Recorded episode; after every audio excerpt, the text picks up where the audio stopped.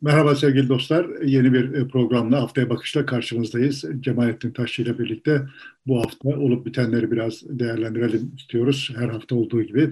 Bu hafta bir gencimizin intiharı var. E, Fırat Üniversitesi'nde, tıp fakültesinde okuyan Enes Kara'nın. Onun intiharı üzerine ortaya çıkan tartışmalar, e, zuhur eden tartışmalar, ailesinin tutumu, tarikatların tavrı gibi meseleleri ve siyasetçilerin bunun karşısında aldığı pozisyonu biraz e, konuşalım istiyoruz. Onun etrafında Cumhurbaşkanı Erdoğan'ın konuşması var idi. E, Kandil ile Edirne'yi karşılaştıran Kandil'in Kandil değil e, pardon İmralı'nın Edirne'den hesap soracağını dile getiren bir e, değerlendirmesi var idi. Bunu biraz konuşalım. Süleyman Soylu'nun Kemal Kılıçdaroğlu'na dair biz senin ne konuştuğunu biliyoruz, ne konuştuğun filan deyip Pensilvanya ile ilgili ne zaman nasıl ne konuştuğuna dair bir takım şeyler söyledi. Buna karşı Kemal Kılıçdaroğlu'nun tutum ve tavrı neydi? Biraz e, bunları değerlendirelim ve bu çerçevede e, muhalefeti oluşturan siyasi partilerin ne ettiklerini, ne yaptıklarını, özellikle e, AK Parti'den e, kurulanların muhafazakar tabanla yakın ilişkileri olmasına rağmen neden o kesime yönelik mesaj veremediler ya da o kesimin ilgisini çekemediler? E, bir araya gelip ne yapmaları gerekiyor ya da işte bu konularda neler konuşuluyor biraz değerlendirelim istiyoruz. Evet, Enes Kara'nın ölümü gerçekten üzücü bir tablo. Her gencimizin vefatı gibi bir de intihar etmiş olması e, çok can yakıcı bir hadise. E, üzerine çok şey konuşuldu. Siyasetçiler de e, konuştular. Bazıları susmayı tercih etti. Ailede konuştu. Medya üzerinde epeyce bir tartışma oldu. Bunun üzerine biraz değerlendirelim istiyorsan. Senin bir bakışını da bu meselenin toplum tarafından nasıl ele alındığını dair değerlendirmeyi de almış oluruz. Yani şimdi sonuçta benim içim kaldırmadığı için bu tür şeyleri ben videosu, çocuğun bıraktığı videoyu izlemedim ama işte hani bu çok tartışma olunca etrafında hiç değilse bunu konuşuruz seninle diye e, bıraktığı mektubu, mektup bırakmış galiba. Yani o öyle bir şey vardı, bir metin vardı onu okudum. Olayın kendisi hakkında çok konuşmak istemiyorum da olaya gösterilen reaksiyonlar hakkında konuşulması gerektiğini düşünüyorum. Yani bir kere bu babanın konuşturulmasının çok yanlış olduğunu düşünüyorum. Yani bu hadise hakkında babanın ne düşündüğünü, işte bunu nasıl değerlendirdiğini vesaire falan, falan böyle şehvetle deştiler gibi geliyor bana hani gazeteciler.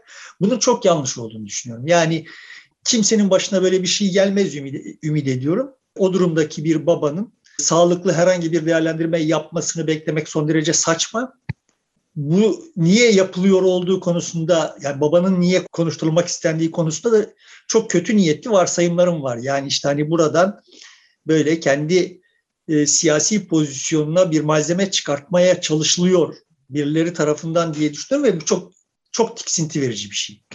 Şimdi önce meseleyi şöyle görmekte fayda olduğunu düşünüyorum. İnsan türü bütün memelilerden hatta bütün canlılardan ayrık bir biçimde dünyaya çok eksik olarak gelir. Bir atın yavrusu bir tay işte birkaç saat içinde değilse birkaç gün içinde beslenme dışında hiçbir konuda ailesine ihtiyaç duymayacak kadar işte motor becerilerle falan donatılmış olarak doğar.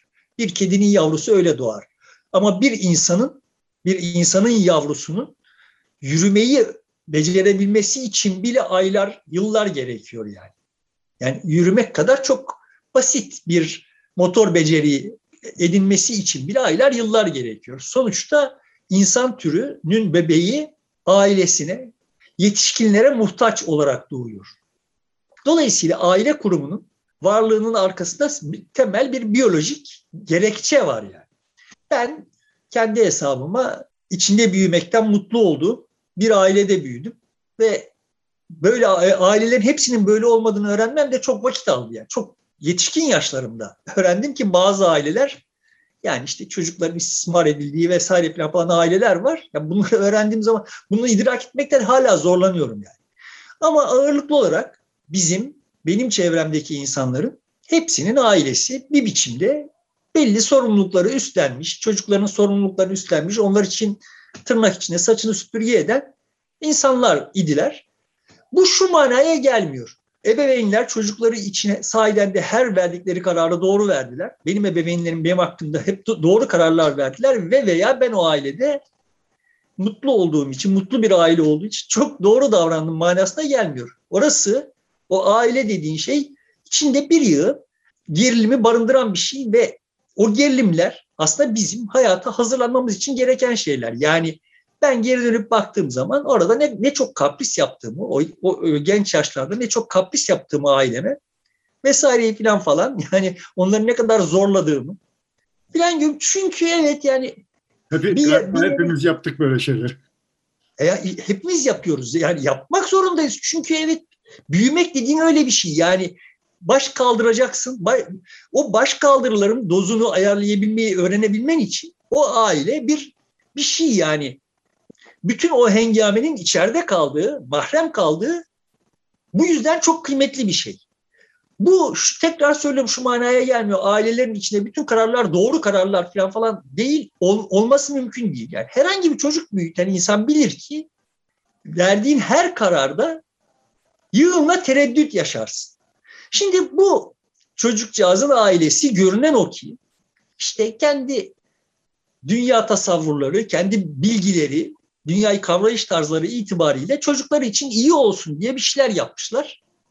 Çocukları için yapmışlar yani bunu. Ve bu ters tepmiş. Tepebilir her her e, ailede bu başka türlü tepebilir. Şimdi şunu kontrast olarak koyalım. Diyelim ki İzmirli bir babanın kızı Elazığ'da tıp fakültesini kazanıyor biraz havai bir kız. Ailesi de esnek bir aile, hadi toleranslı bir aile vesaire ve kız Elazığ'a gittiğinde işte orada tırnak içinde mutassıp bir delikanlıya aşık oluyor. Onunla beraber işte bir takım cemaatlerin toplantılarına katılıyor. Kendince o yaşların havailiği içinde birdenbire kendi hayatının ne kadar boş ama burada maneviyatın ne kadar dolu olduğunu vesaireyi falan falan ve e, bu hükme, hükme varıyor başını örtüyor şimdi. Yani bu durumda o babası ya bir dakika kızım elden gidiyor kaygısına kapılıp kızı okuldan almaya kalkar. Bu tür örnekler de var yaşandı geçmişte. Yani tanık olduklarımız da var. Evet. Şimdi o durumda bu babanın kızını okuldan alıp işte filan falan bir şeyler yapmasına da itiraz edecek misiniz? Edecekseniz, etmeyecekseniz yani bir, bir kere orada bir durun yani. Bu olaylar öyle sizin kendi kendinize taraf olarak işte insanları, aileleri ve çocukları harcayabileceğiniz bir şey değil ve aile kurumu yani aile kurumu faşizan bir kurum kendisi hakkında çok derin düşünmeleri gerektiriyor vesaire filan falan ama yani onun olmadığı bir dünyayı tasavvur edebilecek durumda olmadığımız sürece de tamam yani e, eleştirelim şunu yapalım bunu yapalım da ama böyle muhayyel insanların büyümesi sürecini çok e, nasıl desem sürtünmesiz bir şekilde tasavvur eden bir takım e, dünyalar tasavvur etmeyelim. Yani öyle öyle dünyalar yok. Yani büyüme sancılı bir şey. Hani insan doğduktan sonra işte önce motor becerilerini kazanması için zaman gerekecek, sonra başka şeyler için zaman gerekecek, sonra sosyalleşmesi için zaman gerekecek. Hiçbirimiz bu becerilerle doğmuyoruz. Bunları öğreniyoruz ve bunları öğrenebileceğimiz korunaklı bir takım yerlere ihtiyaç var ve oralarda ne yapılması gerektiğini de kimse bilmiyor. Çünkü yaptığın hangi tercihin hangi sonucu doğuracağını bilmiyorsun yani. Hepimiz çocuk büyüttük. Hepimiz çocuklarımız hakkında sayısız karar vermek zorundaydık. Çünkü vermesek çocuğumuz ölecek yani. Çocuğun dünyaya gelmesine bile biz karar verdik yani.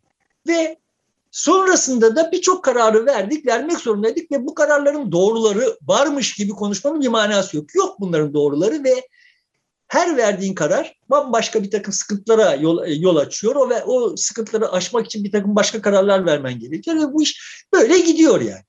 Dolayısıyla aile kurumunun kendisine has e, sıkıntıları olmakla birlikte böyle bu bu tür hadiselere yaslanarak aile kurumunu topyekun inkara varmak da saçma. Birincisi bunu bir işaret etmiş olayım. Benim bakış açıma göre. Buradan tarikatlara gelelim. Şimdi vay tarikatlar falan falan işte cemaatler, İslami cemaatler bunlara sebep oluyorlar filan. Bunlar yeni şeyler değil.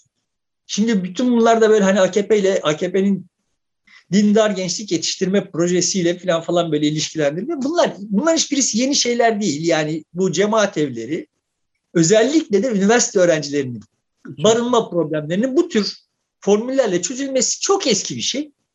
Yani bizim öğrenciliğimiz yıllarından beri var. Ben o zaman da biliyordum. 70'lerde. Tabii tabii daha eskisinden beri itibaren var. Yani şimdi diyelim ki Elazığ'dan Ankara'ya yani sonuçta tablo zaten şöyleydi. Yani e, Türkiye'nin 3-4 merkezinde üniversite diye kurumlar vardı. E, Elazığ'dan Ankara'ya her yıl okumaya taş çatlasın 20 kişi geliyor idi. Ve bunların yani Ankara gibi bir metropolde kaybolması, baştan çıkması vesaire falan falan oradaki insanları kaygılandırıyordu ve bunları baştan çıkmasına mani olmak için bir takım düzenekler genel olarak da işte böyle İslami tırnak içinde cemaatler aracılığıyla yapılıyor idi. Yapılmış idi yani. Yani önce demiş olduk ki bu yeni bir şey değil. Yani bunun AKP ile bir alakası yok yani. AKP ile alakası var ise nerede var? Şimdi görünen o ki doğru anladımsa e, elimdeki malumat yani bunu doğrulayacak veya yanlışlayacak bir malumatım yok ama ortada dolaşan şeylere e, bakarsak AKP devlet yurdu açmak yerine bu tür oluşumları devlet bütçesinden destekliyor. Eğer hal böyleyse buna şiddetle muarızım. Ama buradaki bu örnekte görünen tablo öyle de değil. Yani burada devlet yurdunda yer var. Görünen o. Ama aile böyle bir tercihte bulunmuş. Bulunduğu tercih de anladığım kadarıyla bir cemaatin yurduna vermek değil çocuğu. Aynı cemaate mensup insanların çocuklarıyla birlikte bir ev tutulmuş gibi bir durum var yani. Şimdi bunları dolayısıyla cemaatler veya tarikatlar üzerinden konuşabileceğimiz bir şey değil. Ve bunları engelleyemezsin. Yani sonuçta insanların çocukları için ev tutmalarını engelleyemezsin yani. Diyelim engelleyecek düzenlemeler getirdin. Yani faşizan, komünizan böyle hani çocukların üniversiteye gelen her çocuk mutlaka devlet yurdunda kalacak vesaire filan falan gibi bir takım düzenlemeler getirdin. Bunun da bambaşka Sonuçlar. felsefi problemleri var. Yani ortaya çıkacak sosyolojik problemler dışında bu felsefi olarak da bunun başka sakıncaları var.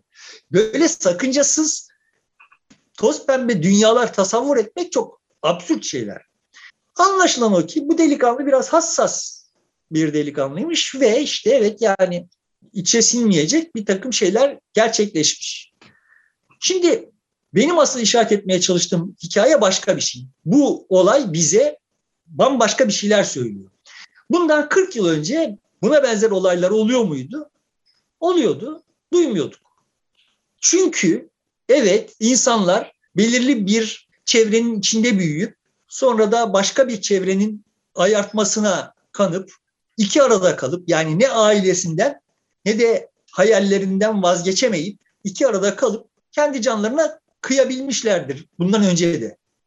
Bunların hikayeleri işte dediğim gibi ta Göte'de bile var yani. Sosyolojik bir kırılma döneminde o kırılmanın tam ortasına kalmış olan bir takım insanlar yani hepimiz o kırılmaların ortasına kaldık. Hepimiz belli bir sosyolojik yapıdan çıktık. Üniversite okurken başka bir takım olabilirliklerin farkına vardık.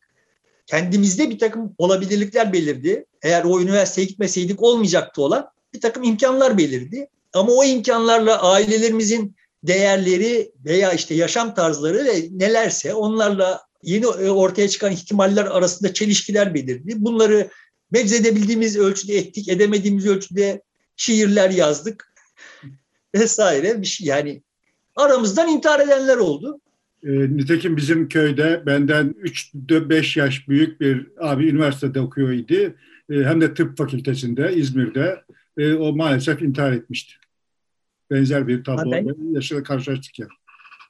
E benim yani kolejde okurken, ben ortaokuldayken yani lisede son sınıf öğrencisi, son derece başarılı bir öğrenci intihar etti. Yani sonuçta bunların çoğu bu sosyolojik gerilimlerin yani aileyle, ailedeki edinilen değerlerle hayatın önümüze sürdüğü yeni imkanlar arasındaki çelişkilerden kaynaklanır. Bu da ne zaman hızlanır, yani bu çelişkiler ne zaman büyür? Sosyolojik dönüşümlerin, alt üst oluşların yoğun olduğu dönemlerde olur. Şimdi hesabı şöyle yapalım. Bundan 40 yıl önce muhtemelen yani bu Enes'in babası bebekken vesaire filan onun akranlarını, onların babaları aman ya olan gider baştan çıkar orada şimdi itin kopuğun eline düşer. Alemlere kanar vesaire filan falan biz bunu yollamayalım. Üniversiteye demiştir. Büyük çoğunluğu böyle demiştir yani. Nereden biliyoruz? ise istatistiklerden biliyoruz. Yani 40 yıl önce kaç kişinin yüksek okul okuyordu olduğundan biliyoruz. Ve ne olmuş oldu? Evet yani sonuçta son derece emniyetli bir biçimde Enes'in babası yani o adamın şahsı hakkında bir şey bilmiyorum.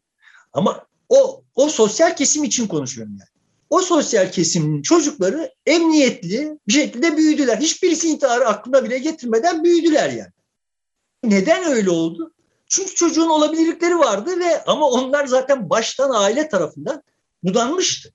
Şimdi neyi anlıyoruz? Yani o baba kendi çocuğuna kendisine davranıldığı gibi davranmamış. Onun okuması için fedakarlık yapmayı göze almış. 40 yıl önce Enes'in yaşındaki, onun kültürel coğrafyasındaki insanlar Enes'in yaşında baba oluyorlar. Sorun, ya çocuk değillerdi artık yani. Çocuk sayılmıyorlardı. Onlara e, aileleri onlardan kendilerini sorumlu hissetmiyordu. Onlar kendileri kendi ayakları üzerinde durmuş olmayı bilmeleri gerekiyordu yani.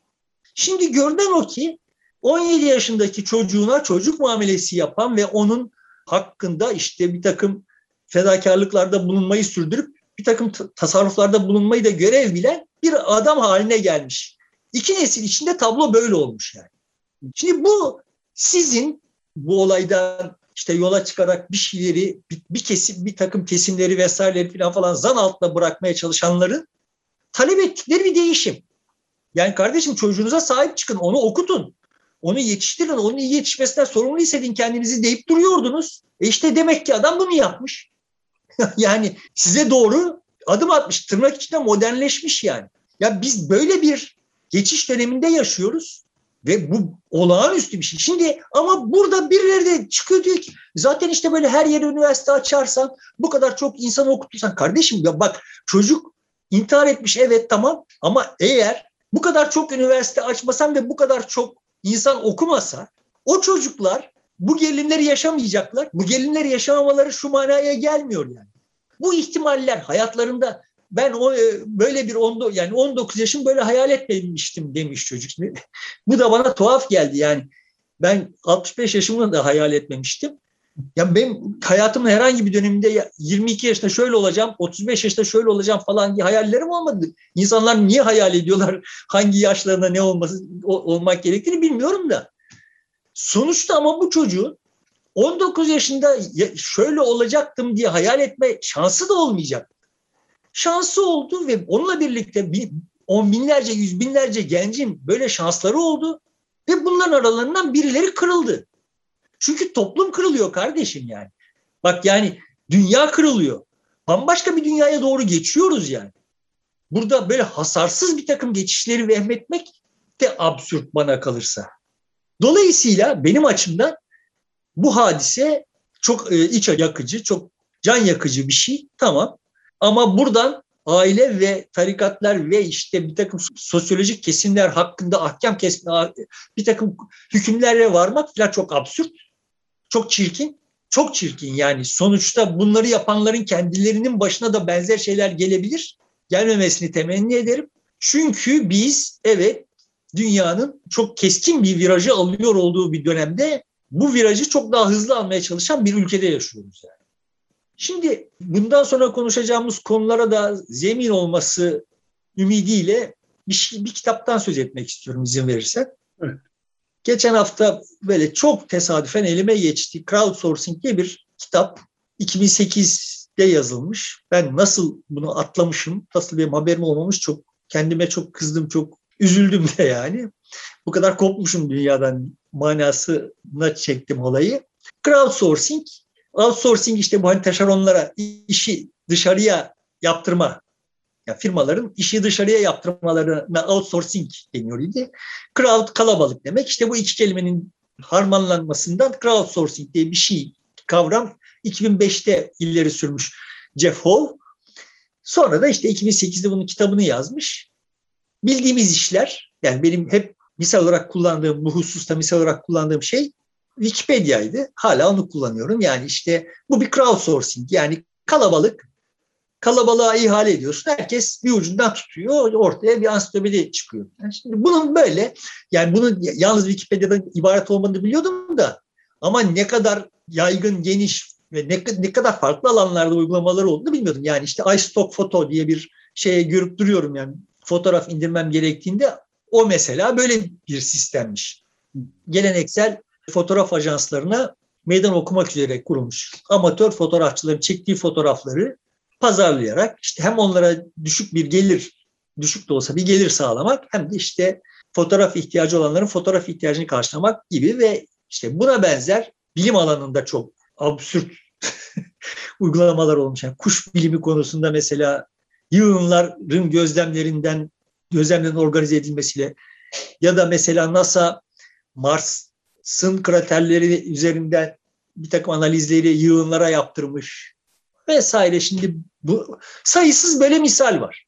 Bunun iktisadi olarak ne manaya geldiği hakkında filan Amerikalılar kafası hep öyle çalıştığı için bu business için ne mana taşıyor getiriyor zaten kitabın başlığında şöyle yani crowdsourcing kalabalıkların gücü bir işin geleceğine nasıl şekil verebilir? Şimdi dolayısıyla adam olaya business olarak bakıyor. İşte gazetecilik nasıl değişiyor bu bağlamda, şu nasıl değişiyor, bu nasıl değişiyor filan. Bizim bunları yayınladığımız YouTube mesela işte tam kelimenin tam anlamıyla işte bu crowdsourcing. Yani YouTube dediğin işte orada 60-70 kişinin çalıştığı dandik bir şirket ve fakat milyonlarca insan buraya videolar çekip yüklüyorlar. Yani tüketici, üretici birbirine karışmış durumda ve ortada tırnak içinde profesyonellik yok, uzmanlık yok yani. Zaten de kitaba işte amatörlerin gücüyle filan falan başlıyor. Beni ilgilendiriyor olan tarafı olayın bunun iktisadi maliyeti şusu busu değil. Bizim bütün bir sanayi uygarlığının üzerine inşa ettiğimiz temel kavramlar uzmanlık gibi işte profesyonellik gibi bu, ve buna bağlı olarak yani bunları üretmek üzere kurduğumuz okul gibi bütün kurumların ne kadar absürt olduğunu yani birçok konuda okullardan diploma almış, tırnak içinde liyakati etiketlenmiş, tescil edilmiş olan insanların amatörler karşısında ne kadar aciz kaldıklarını, kalabildiklerini vesaireyi falan falan görüyoruz yani. Yani sinema okullarında bilmem ne kadar eğitim görmüş olan insanların insanları sollayıp geçen amatörler var ve evet yani bunlar mesela bunlar hiç eğitim görmüyor da değiller. Eğitimde görüyorlar. Nasıl görüyorlar? Onları da YouTube'da görüyorlar. Çünkü birbirlerini eğitiyorlar. Gibi. Şimdi tablo bu hale gelmiş. Bu bambaşka bir dünya. Ve ben sahiden de şimdi içinde yaşadığımız dünya ile ilişkili sayısız şey söyleniyor ediyor. Bir yığın hayal kırıklıklarından, bir yığın olumsuzluklardan söz ediliyor vesaire. Aslında oluyor olan şey bak işte sonuçta tablo Elazığ'da Hatay'da yaşayan bir ailenin çocuğu da gidiyor Elazığ'da okuyor artık. Bundan 40 yıl önce olmayan şeyler oluyor artık. Sosyal hiyerarşiler ortadan kalkıyor. Toplumlar basıklaşıyor ve basıklaşacak. Yani bunu engelleyemeyeceksiniz yani. Basıklaşacak. Bundan bunun olumsuz tezahürlerinden yola çıkarak bunun sayısız olumsuz tezahürü var. Yani nedir en başta geleni? Sonuçta sen diploma alıyorsun. Bu diplomayla bundan 40 yıl önce bir düzenli gelir garantisi elde ediyordun. Şimdi edemiyorsun. Kardeşim evet böyle şimdiki diplomayla sen bunu elde edemiyorsun da yani 40 yıl önce de o diplomayı alamıyordu olduğu için düzenli gelire talip olamıyordu insanlar. Yani sonuçta tablo şöyle değildi yani. Bundan 40 yıl önce herkesin çok güzel düzenli geliri vardı. Sadece bir kısmının diploması varken diğerlerinin yokken herkesin dünyası şıkır şıkırdı. Şimdi ama birdenbire herkes diploma sahibi olunca düzen bozuldu. Böyle bir şey olmadı. 40 yıl önce de çek bu işten son derece mağdur olan insanlar vardılar. Diploma bile alamıyorlar. Diploma talep etmek bile akıllarına gelemiyor. Sanki böyle olaylar bir şekilde geriye gitmiş gibi anlatıyorsunuz. Geriye gitmedi, ileriye gitti ve ileriye gitmesinin yarattığı bir takım sıkıntılar var. Daha olumluya doğru gitti ve bunu yarattığı sizin aklınıza bundan önce aklınıza gelmiyordu olan problemler çıktı. Şimdi bu problemlerin üstesinden nasıl geleceğiz? Bunlara kafa yormamız gerekiyor. Yani böyle bu kadar insan okumasın. E okumasın siz okutmayın çocuğunuz o zaman. Okutmayın, okumayın kardeşim ya da diplomanızı yırtın. Ya bunlar sahiden çok tansiyonumu yükseltiyor. Ya evet Türkiye'de şu anda 8 milyon kişi okuyor. Çünkü 8 milyon kişi okumak istiyor kardeşim yani. Kimin okuyacağına, kimin okumayacağına siz karar verecek olursanız e yani evet 8 milyon kişi okutmayacaksınız.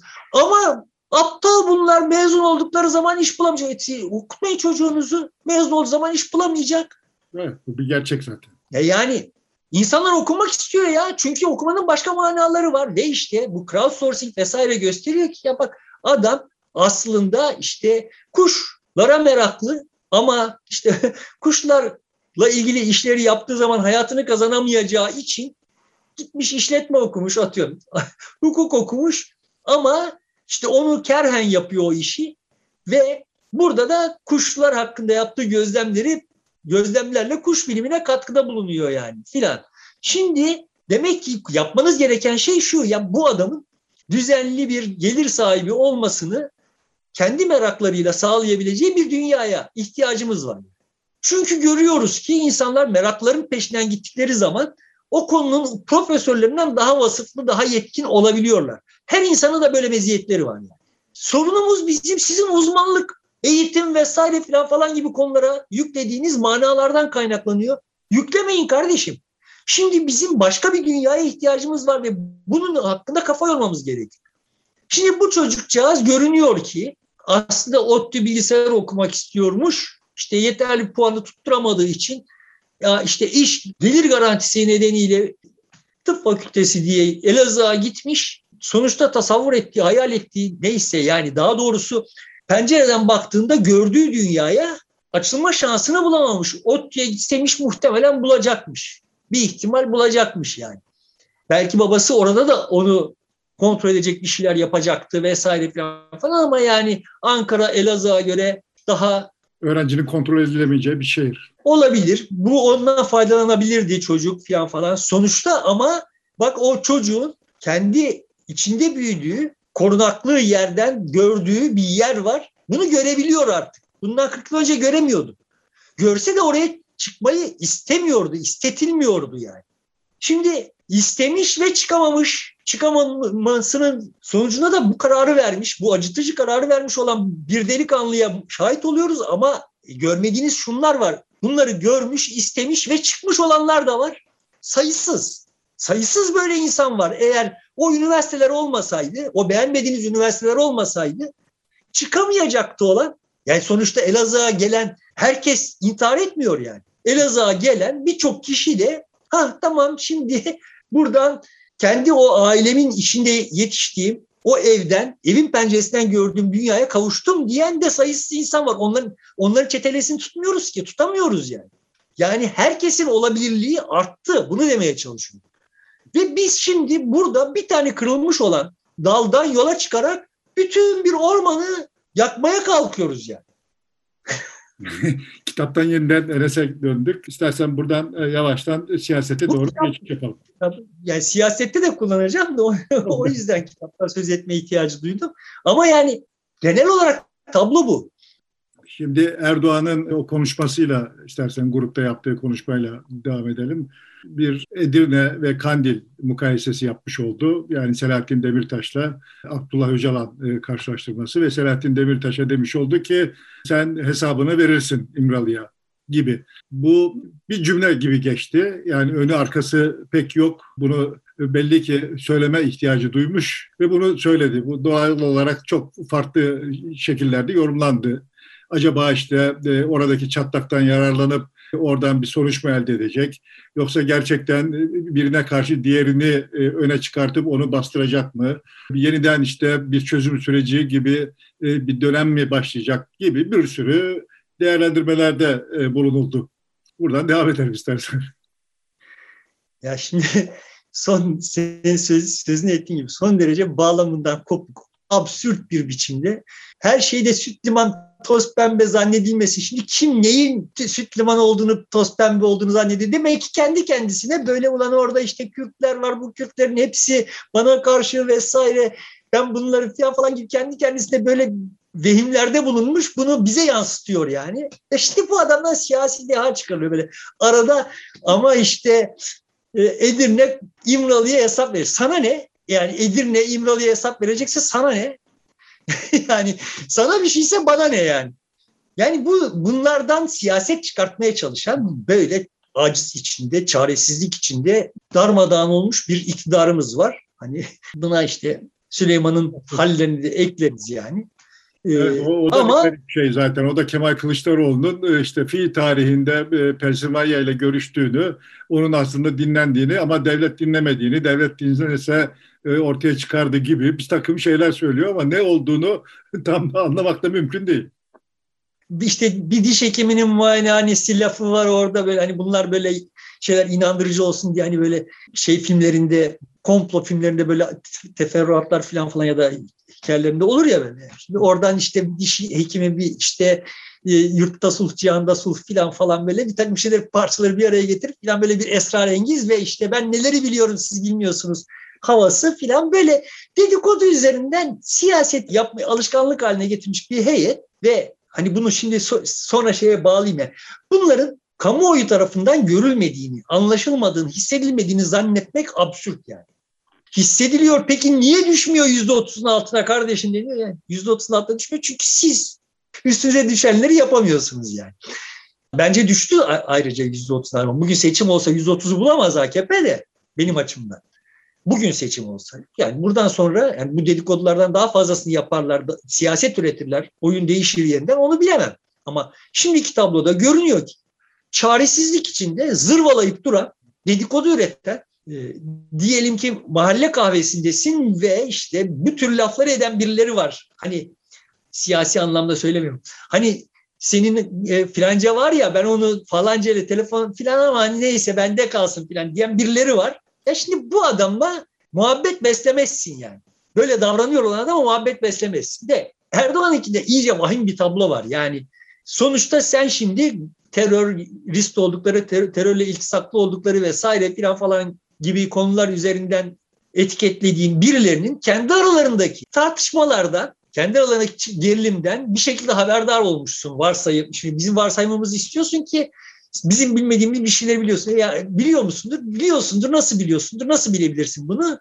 Çünkü işte İmralı'yla hala pazarlık yapıyorsundur. İmralı'yla temas halinde olmasan bunları bilemezsin yani. İmralı'yla temas halindesindir. Şimdi bize terörist deyip sattığın adamla bir masada pazarlık yapıyorsun demektir bu.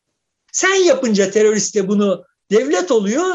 Ben yaparsam vay terör, terörle iltisaklı oluyor şimdi. Bu tür şart kurnazlıkları sonuç vermez yani. Bu ama hani buradan şunu çıkartıyoruz. Evet devlet daha doğrusu AKP zaten artık birbirine ayırt etmek de zor. Besbelli İmralı'yla bir takım pazarlıklar yapıyor ve işte besbelli buradan kendisinin siyasi ikbali için fayda umabileceği bir çatlak yakalamış yani. şimdi ha tamam ben bir şey yakaladım. Benim işime gelen bir şey yakaladım yani. Bak şimdi bunun içinde tutamıyorum bu sevinçten falan falan işaret şeyini attık yani şimdi. İmralı ile Edirne arasında bir gerilim var. Peki ne olacak? Şimdi İmralı çıkacak diyecek ki bu Selahattin'in peşinden gitmeyin diyecek. Peki dedi diyelim yani seçime gidiyoruz. HDP'yi de kapattın ve işte İmralı'da böyle bir İmralı'dan da böyle bir mektup aldın, okudun filan yani. Şimdi ne bekleyebiliriz yani şimdi bunun karşılığında mesela Kandil AKP'nin zaferi için bundan sonra işte seçime kadar ateşkes ilan ediyoruz. Yani ortada ateş de yok da hani ateşkes ilan ediyoruz dedi işte vay Kürtler de ha Öcalan bizi AKP'ye oy ver, vermeye teşvik etti falan mı diyecekler. Böyle mi olacak diye ümit ediyoruz. Yani 23 Haziran'da oldu bu dediğin şey ama onun dediği dinlenmedi.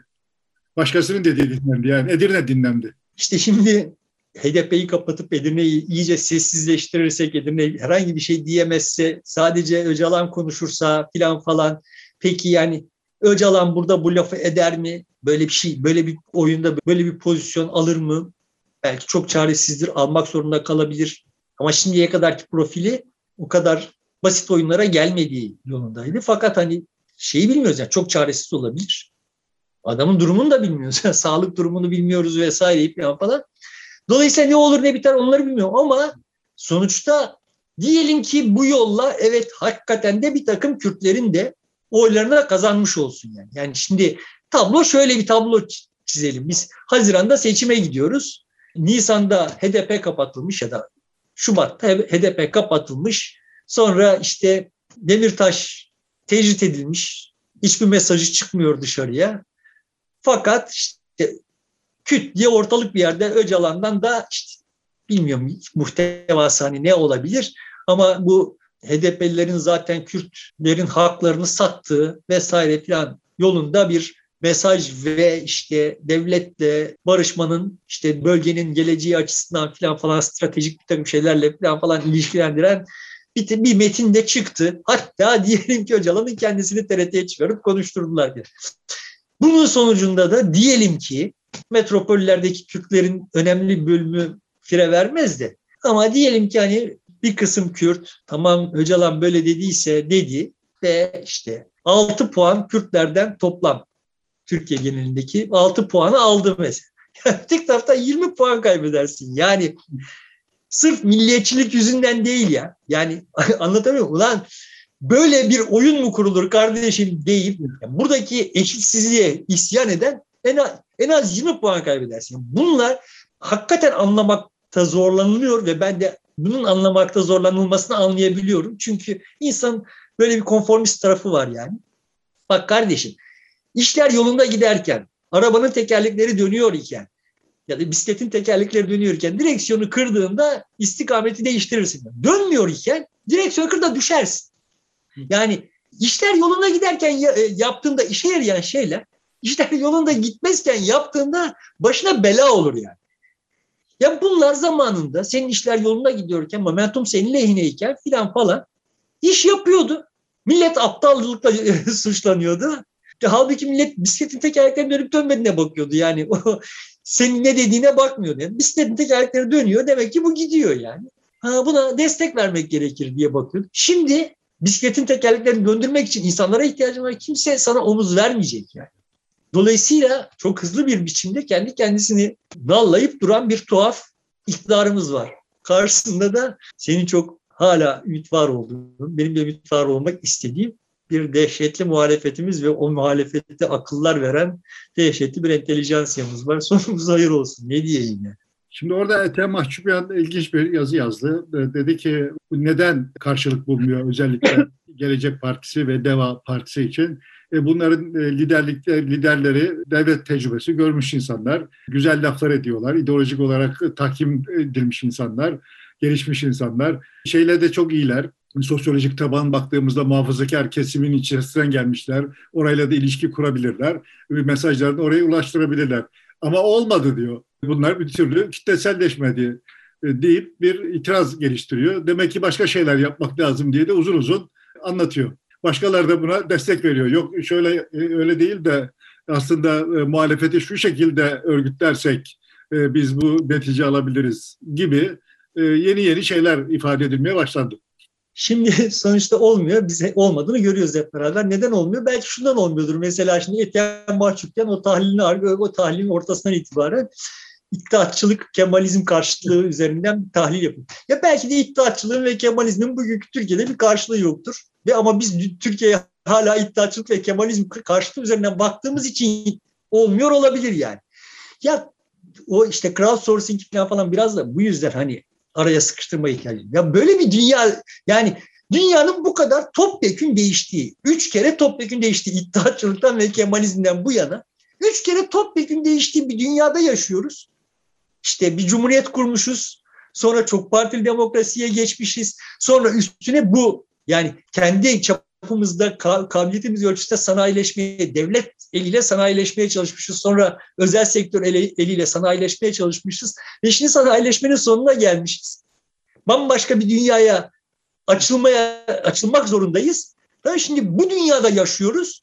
Şimdi hala Kemalizm, iktidarçılık falan falandan söz etmek belki de Belki de hala muhafazakarlık işte orada muhafazakar kitle vesaire işte muhafazakar kitle dediğimiz kitle bundan 40 yıl önce çocuğunu Hatay'dan e, üniversiteye yollamıyor idi muhafazakar olduğu için. Şimdi yolluyor ve işte cemaat dostlarının çocuklarıyla bir eve sokuyor filan. Yani bak bir, bir şey değişmiş yani. O muhafazakar dediklerin senin zamanında modern dediklerinin yaptıklarını yapıyorlar Ama sen hala şimdi bunlara o muhafazakar etiketiyle bakıyorsun. Belki de bu yüzden çuvallıyoruzdur.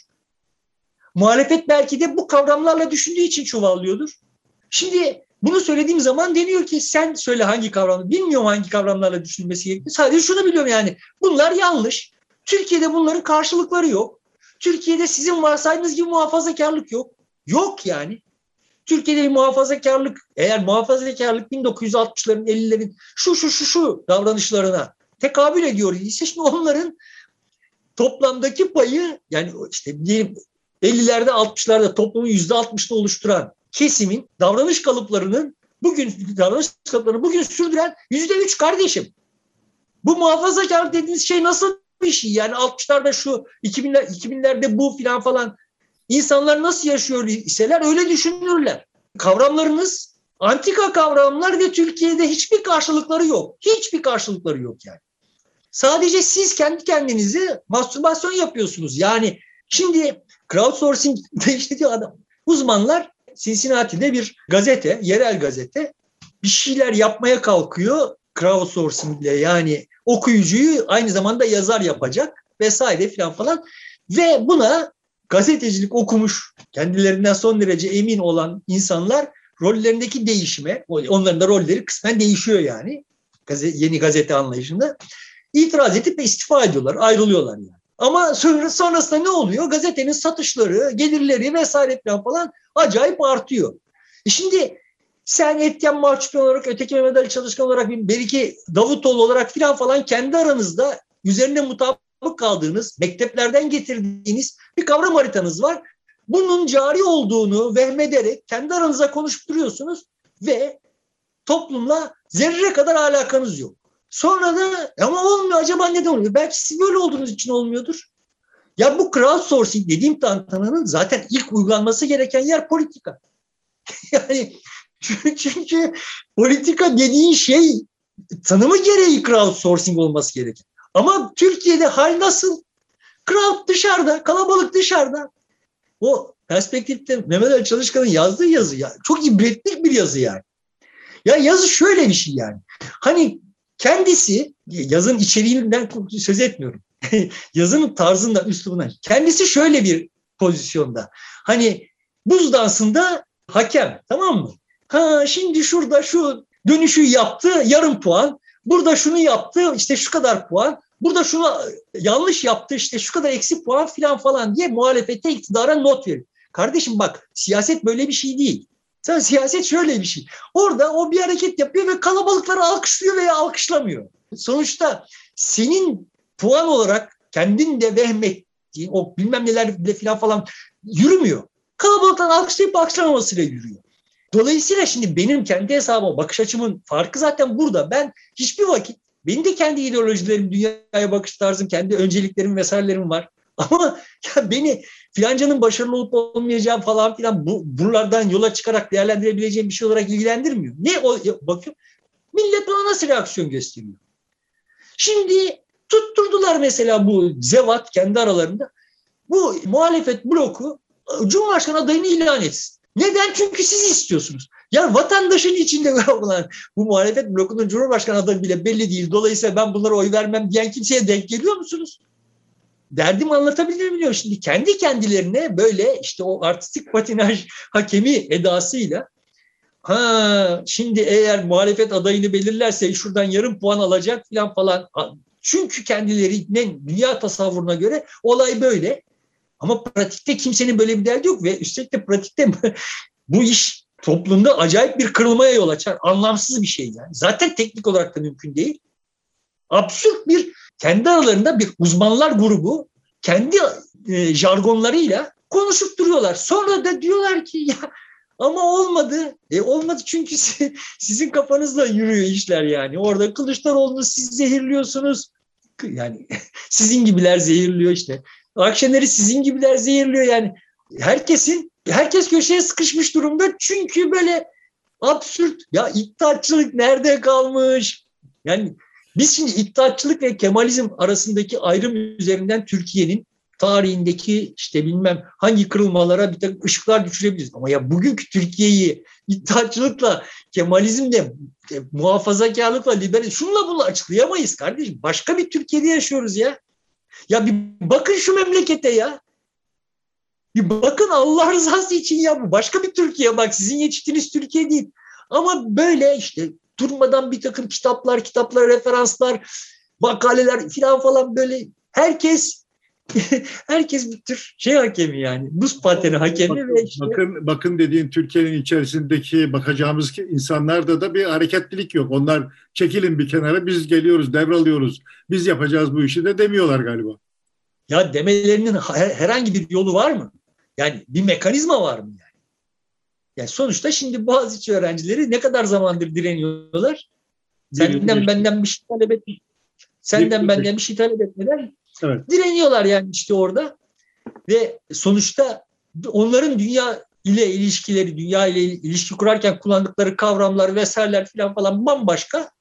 Sen şimdi bunlara diyorsun ki sen eğer bu oyuna ortak olmak istiyorsan parti kuracaksın. Parti kurduğun zaman yani şimdi bir tane arkadaşım bir parti yeniden canlanmış falan, onunla ilgili beni arayıp duruyor. Ne yapacağımı şaşırmış durumdayım.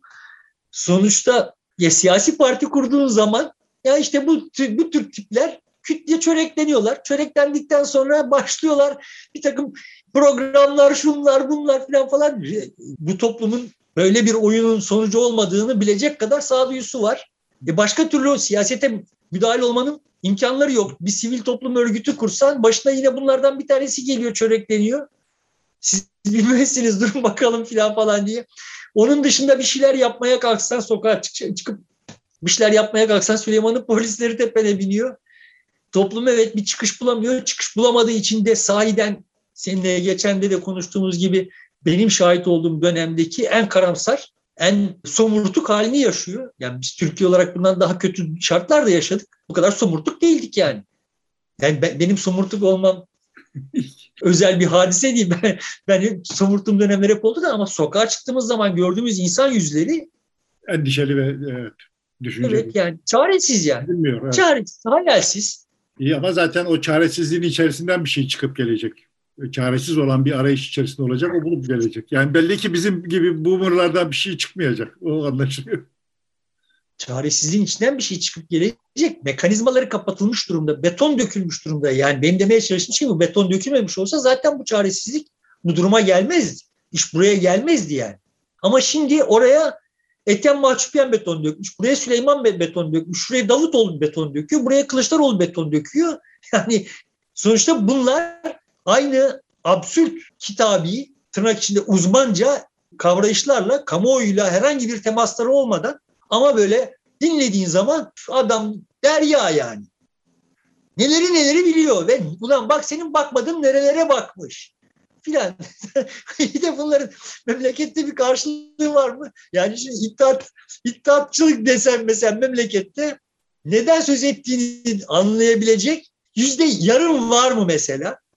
Kendini iddiatçı zanneden çocuklarına işte üç oğluna Enver, Cemal, Talat ismini koymuş zevzekler dahi yani. İddiatçılık dediğin zaman bu ne meden bir şeydir, neye tekabül ediyoru anlayabiliyor mu, biliyor mu? Böyle bir takım absürt efsaneler halinde atmosfer belli yerlerde bu yaşıyor. Ama onun dışında hiçbir karşılığı olmayan absürt bir şey. Türkiye'nin bugününde bizim konuşmamız gereken mevzular bunlar mı yani? Ama işte ne oluyor? Orada Türkiye'nin gündemiyle Bunları... konuşulan konularla olması gerekenler arasında zaten çok büyük bir uçurum var. Siyasetçilerin konuştuklarıyla herhalde hayatımız özdeşmiyor. İşte şimdi sonuçta sade siyasetçilerin değil ki işte demeye çalıştığım gencecik bir delikanlı böyle bir sosyolojik kırılımın ortasında çatlamış toplumun tam kırıldığı yere gelmiş hassas bir delikanlı yeterince esnekliği gösterememiş babasına şöyle görünüp şurada böyle oynamayı ve kendi yolunu ağır ağır açmayı verememiş. 19 yaşında değil de 29 yaşında şunlar olsun diye bekleyememiş. Anlaşılır sebeplerle bir çocuğu da şey yapmak için söylemiyorum yani hatırasını. Ama sonuçta şimdi bunun üzerine konuşurken de olay geliyor böyle klasik, bildik, her halükarda hep konuşuyordu olduğumuz ve çalışmıyor olduğunu defalarca test ettiğimiz kavramlara geliyor, vuruyor yani. Tarikatler. Tamam, tar tarikatlar ben ta tasvip ettiğim pratikler değiller bugünkü halleriyle. yani ne yapacaksınız? Ne yapacaksınız yani? Kapısı yok ki kilit varasınız demiş adamın birisi. Sonuçta bu bir bir takım insanların kendi pratik hayatlarında yaşadıkları bir takım problemlere geliştirdikleri bir çözüm kardeşim. O problemleri ortadan kaldırmadan, yumuşatmadan, bu insanlara alternatifler sunmadan, başka olabilirlikler sunmadan bunun üstesinden gelemezsiniz. Ve böyle memlekette olup bitenler de tarikatlar yüzünden oluyor deyip açıklayarak varabileceğiniz bir yer yok. Ama bildiğiniz bu. Bildiğiniz ne yani? Saflaştırma. Yani arıza yapan, arızaya sebep olan ne varsa bunları atacağız. Geriye tertemiz bir şey kalacak. Neye yol açıyor? Aile yol açıyor. Aileyi atalım. Aileye attığın zaman başta gelecek olanları biliyor musun? Yani Besim Tibu'nun kulaklarını çınlatayım. Herkes böyle kahvehanelerden sövgüyle söylerken kahvehaneler bu memleketin toplumun sigortası demişti. Ben düşünsene kahvehaneler olmadığını düşün yani. Millet o kahvehanelerde boşalttığı enerjiyi sokağa çıkartırsa dinamit gibi patlar memleket. Kardeşim yani ahkam kesiyor iseniz attığınız taş ürküttüğünüz kurbağaya değilsin. Bir, bir yere gitsin yani. Gördüğünüz her biçimsizliği onunla ilişkili her şeyi hesaba katıp hep beraber atmaya kalktığınızda geriye Türkiye kalmayacak. Tarikatlere karşıyım. Dediğim gibi bugünkü pratiklerine özellikle karşıyım hani atmaya kalksan atamazsın da atsan neye mal olacağını hiç düşündün mü yani? Hiç düşündün mü? Yani şimdi kendilerine tarikatlar aracılığıyla bir takım tırnak içinde çözümler üretiyor olan insanlar da ne olacak yani? O insanlara ne olacak? Hiç düşündün mü yani? Ama sen kendi kafana göre kendi tuhaf tarikatlerine adı tarikat olmayan tarikatlerine mensupsun. Yani Galatasaray Lise, Lisesi mezunları tarikatine mensupsun ve orada kendince bir şeyler yapıyorsun. Sonuçta şimdi bir, bir takım problemlere başlayacak olursak oradan ne çok problem çıkıyor. Atalım o zaman Galatasaray Lisesi mezunlarının tamamını atalım falan mı diyeceğiz yani böyle böyle akıllar yürütülür mü? Ama işte bunlar böyle aydınlanma aklının sığ şeyleri, tezahürleri yani işte suyu kirleten ne varsa onu atıp suyu arıtacağız filan gibi böyle absürt absürt şeyler yani. İstersen bitirelim yavaş yavaş. Şimdi tekrar o zaman şöyle söyleyeyim yani dünyanın sahiden kırıldığı bir yerde bir dönemde yaşıyoruz ve bambaşka bir dünyaya doğru gidiyoruz. Yani bundan 20 yıl sonra bugüne bakıldığında bu salaklar böyle gazetecinin uzmanlık işi olduğunu düşünüyorlarmış. Ulan bunlar meğersem işte fotoğrafçının uzmanlık işi olduğunu zannediyorlarmış işte veya, veya siyasetin uzmanlık işi olduğunu zannediyorlarmış filan falan diye bize gülecekler yani. Yani bunlar amatörler tarafından profesyonellerden daha iyi yapılıyor olacak ve birçok meslek ortadan kalkacak. Yani patent ofisinin arızalarını yol arızaları hukuki, siyasi, teknik arızaları ortadan kaldırmak için crowdsourcing'e başvurmak zorunda kalmışlar filan. Orada şeyi görüyorsun yani Ulan varlığı, varlık sebebi ortadan kalkıyor patent ofisinin yani. gibi bir takım durumlar var şimdi. Böyle tutumuzun elinde kaldığı bir dünyada yaşıyoruz ve ta 20. yüzyılın başı değil yani 19. yüzyıldan kalma akıllarla böyle dünyaya vaziyet ediliyor. Bu bundan vazgeçilsin yani. ben de böyle bir talepte bulunayım. Vazgeçilsin bundan çok çok baydı yani. Evet böylece bitirelim. Bu haftanın da ana e, konusu bir kitap olmuş oldu. Kalabalıkların iş yapması uzmanların yerine onu da siyasetçilere de önermiş oluyoruz diyelim. Peki sevgili dostlar burada bitiriyoruz. Çarşambaya görüşmek üzere. Muhtemelen modernleşmeyi devam edeceğiz herhalde.